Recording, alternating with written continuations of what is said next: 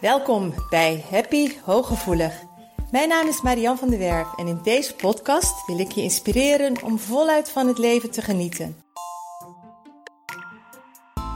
Wil je ook leren hoe je vanuit je innerlijke kracht en gevoeligheid met minder inspanning meer geluk kunt ervaren?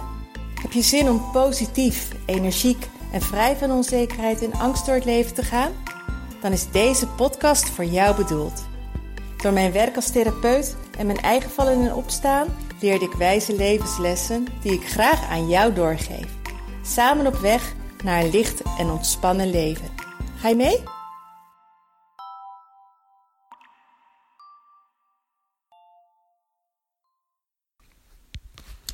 In deze podcast wil ik je wat meer vertellen over trauma. En dan met name trauma in relatie tot hooggevoelige personen. Omdat ik de afgelopen jaren me heel erg verdiept heb in um, en hooggevoeligheid, maar ook in trauma. En gemerkt heb dat hooggevoelige mensen vaker uh, en meer en sneller een trauma oplopen dan niet hooggevoelige mensen.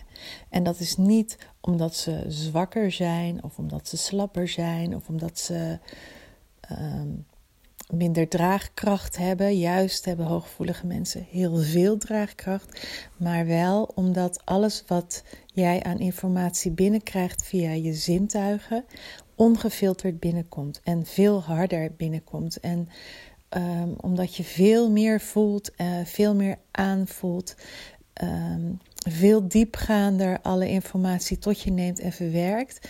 Dat maakt dat je gevoeliger bent voor het oplopen van een trauma. En uh, dat is de reden waarom ik deze podcast opneem.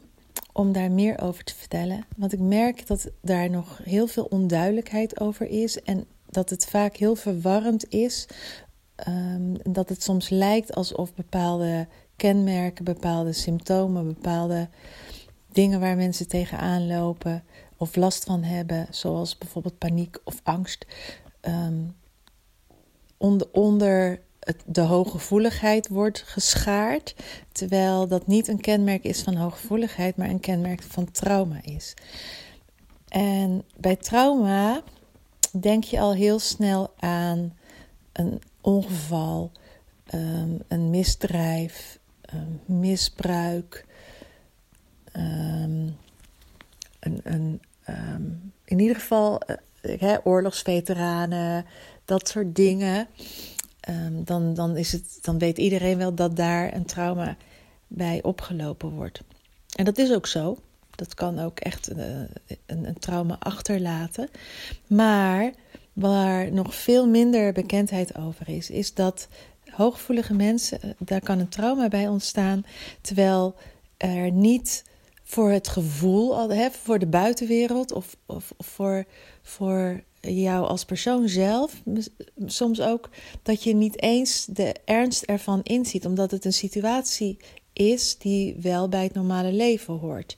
Bijvoorbeeld een echtscheiding, een ziekenhuisopname, een ziekte, een operatie, uh, de geboorte, um, de, een moeilijke zwangerschap van, van je moeder, um, afwijzing, harde woorden, um, een burn-out, een operatie, narcose,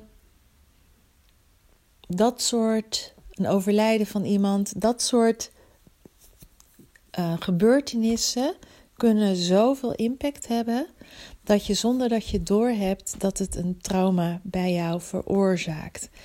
Uh, en het is niet zozeer de, de situatie dus die dan dat veroorzaakt, maar de intensiteit en de heftigheid waarmee jij het ontvangt. En dat is één waardoor het blijft hangen. Uh, en een trauma veroorzaakt. Dus de, de, heftigheid waarmee het binnenkomt en het impact wat het op jou heeft. Ook een tweede reden waarom het vaak als trauma blijft hangen in je systeem is omdat heel veel hooggevoelige mensen ook in hun hoofd zitten en voorbij gaan aan het gevoel en rationaliseren en er een verhaal van maken en er heel erg over gaan nadenken. En dat is het verschil tussen bijvoorbeeld um, bij mensen en dieren. als een dier ergens onwijs van schrikt en er gebeurt iets heel heftigs, dan kan het daarna ontladen. Als je bijvoorbeeld naar een duif kijkt, die vliegt tegen het raam, die houdt zich helemaal voor dood, die ligt een tijd dood en vervolgens schudt hij zich uit en hij vliegt in één keer weer weg. En, um, maar wij hebben de neocortex, wij hebben ons, onze gedachten, wij hebben ons denken. En um, we vergeten als het ware hè, op een moment dat, dat je een hele heftige gebeurtenis meemaakt, dan is jouw primaire reactie in je systeem, hè, wat, je, wat je wil doen, wat je lichaam wil doen, wat jouw instinct wil doen, is vechten of um, vluchten. Dus je hartslag gaat omhoog, je bloed gaat, wordt door je lichaam gepompt, je trekt wit weg, want um, vanaf de vanuit de organen, daar gaat minder bloed naartoe. En al je bloed gaat naar de organen die het hardst nodig hebt.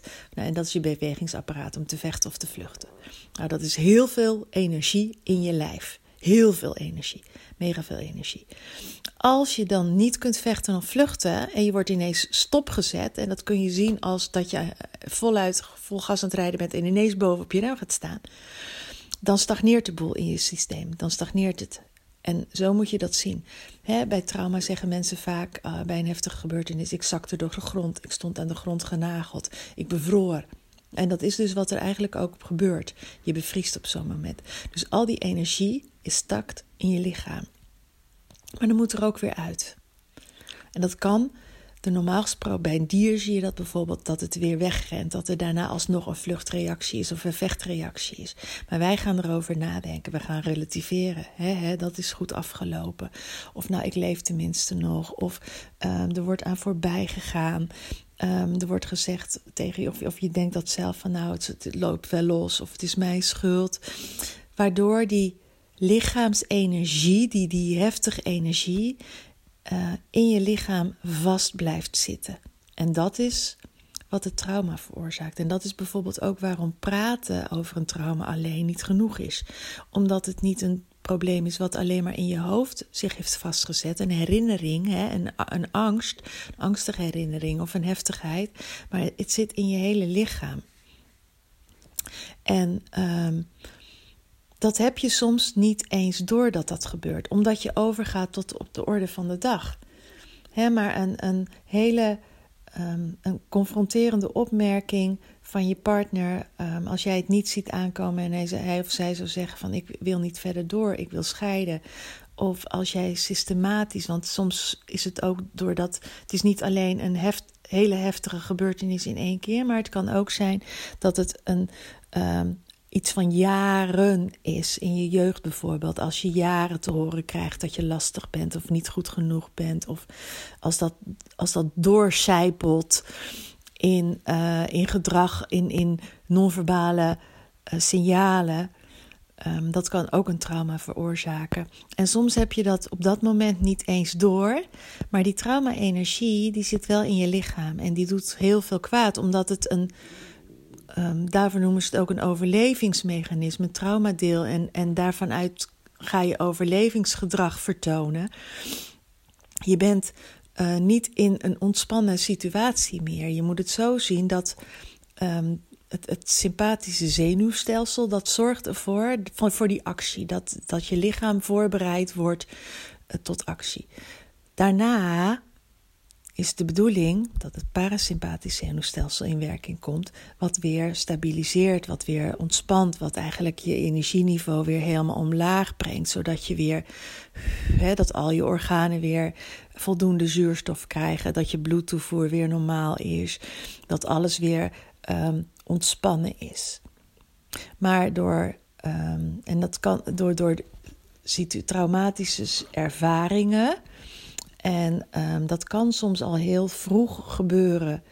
Um, als je een veilig uh, situatie hebt al vanaf de geboorte, dan kan het zelfs zo zijn dat um, dat, dat, dat zelfregulerende systeem in je lijf, dat heb je, maar het moet wel op gang worden gebracht. Het moet wel geactiveerd worden. Uh, het moet wel zijn werking gaan doen. En als het van het begin af aan al niet veilig is voor je, dan gaat dat systeem niet werken. En als er een trauma zit, werkt dat systeem ook niet meer. Dus dan moet je het zo zien dat er dus continu een verhoogde stress in je lijf aanwezig is, of een te hoog cortisolgehalte. En dan krijg je klachten zoals angst, paniek, ehm, depressie, uh, fibromyalgie, uh, darmklachten, maagklachten, hoofdpijn, migraine, spierklachten. Um, en dat kan gewoon heel erg ver gaan. Dat, je kan daar dus echt heel erg ziek van worden. En als je dat dus niet weet, um, of, je, of je merkt wel dat je die symptomen hebt, maar je denkt dat het bijvoorbeeld bij hooggevoeligheid hoort, of je denkt dat het nou eenmaal zo is dat het bij jou hoort, um, dan blijf je daarmee rondlopen. En kijk, hooggevoeligheid, dat, dat, je bent hooggevoelig. En overprikkeling, weet je, de, gevoeligheid voor de prikkels heb je. Maar alles wat ik er net opnoemde, rondom dat trauma, dat is dus niet iets wat bij de hooggevoeligheid hoort. Maar wat wel kan zijn ontstaan doordat je hooggevoelig bent en um, de dingen zoveel impact op je hebben gehad. Dus, lieve jij, als jij die kenmerken hebt en je hebt nu mijn verhaal aangehoord, ga eens bij jezelf na uh, hoe dat bij jou is. En um, ga er iets aan doen. Ga hulp zoeken om met je trauma aan de slag te gaan. En denk dan niet van ja, maar weet je, uh, het was een scheiding. Of denk niet van uh, een operatie. Soms is het ook heel erg moeilijk om precies aan te wijzen waar het is. Ik heb daar bij mijn cliënten altijd een bepaalde techniek voor om, uh, om erachter te komen waar de trigger zit. En um, um, het, kan dus het kan best wel zijn dat een trauma al jaren geleden ontstaan is, dat het sluimerend aanwezig is geweest, maar dat je er geen last van hebt gehad. En dat er recent um, of, een, of tijdje geleden een trigger is geweest, een vergelijkbare situatie of iets waar de herinnering mee hè, bovenin is komen te liggen, waardoor je trauma geactiveerd is. En waardoor je er dan nu bijvoorbeeld wel last van hebt en een aantal jaar geleden niet. Ik vind het super belangrijk om het hier eens over te hebben in een podcast, omdat um, traumaverwerking zo enorm veel kan opleveren. Qua gezondheid, qua uh, energie, qua ontspanning. Um, je moet het zo zien dat op een moment dat jij aan het overleven bent, dat je dus continu die verhoogde stressniveau hebt, hè, dat je continu um, in wezen, in, nou ja, dus aan het overleven bent, dan kom je ook niet bij je eigen potentie. Dan kun je ook niet de persoon zijn die je graag zou willen zijn. En vaak voel je wel van er zit meer in mij, ik kan veel meer, maar het lukt me niet. Ik wil graag veranderen, maar het lukt me niet. Een van de kenmerken van een trauma is bijvoorbeeld dat veranderen niet lukt, ook al wil je heel erg graag. Maar iedere keer ben je weer terug bij af. Um, een andere voor. Oh, dat is ook met je, met je gedachtegang. Je wil zo graag je gedachten positief. Je wil zo graag positiever over jezelf denken. Je wil zo graag uh, manifesteren, maar het lukt maar niet. Je blijft maar hangen in die innerlijke criticus. Je blijft maar terugvallen in een oude pijn. Nog een kenmerk van een trauma is dat je uh, gigantisch verdrietig of boos kunt worden, wat totaal niet in verhouding is tot de situatie die zich voordoet. Dat je ongelooflijk boos wordt, terwijl de situatie eigenlijk helemaal niet aanleiding geeft tot die extreme boosheid die jij voelt of op dat moment ervaart of angst. En um, die noem ik nog eventjes tot slot, omdat dat ook echt hele duidelijke kenmerken zijn dat er een trauma bij jou aanwezig is. Blijf er niet mee lopen. Zoek hulp. Neem contact met mij op als je er meer over wilt weten of je wil eens kijken of het daadwerkelijk bij jou sprake is van een trauma. Dan nodig ik je van harte uit om eventjes contact op te nemen. Dan kijken we er samen naar. Heel veel liefs van mij. Doei!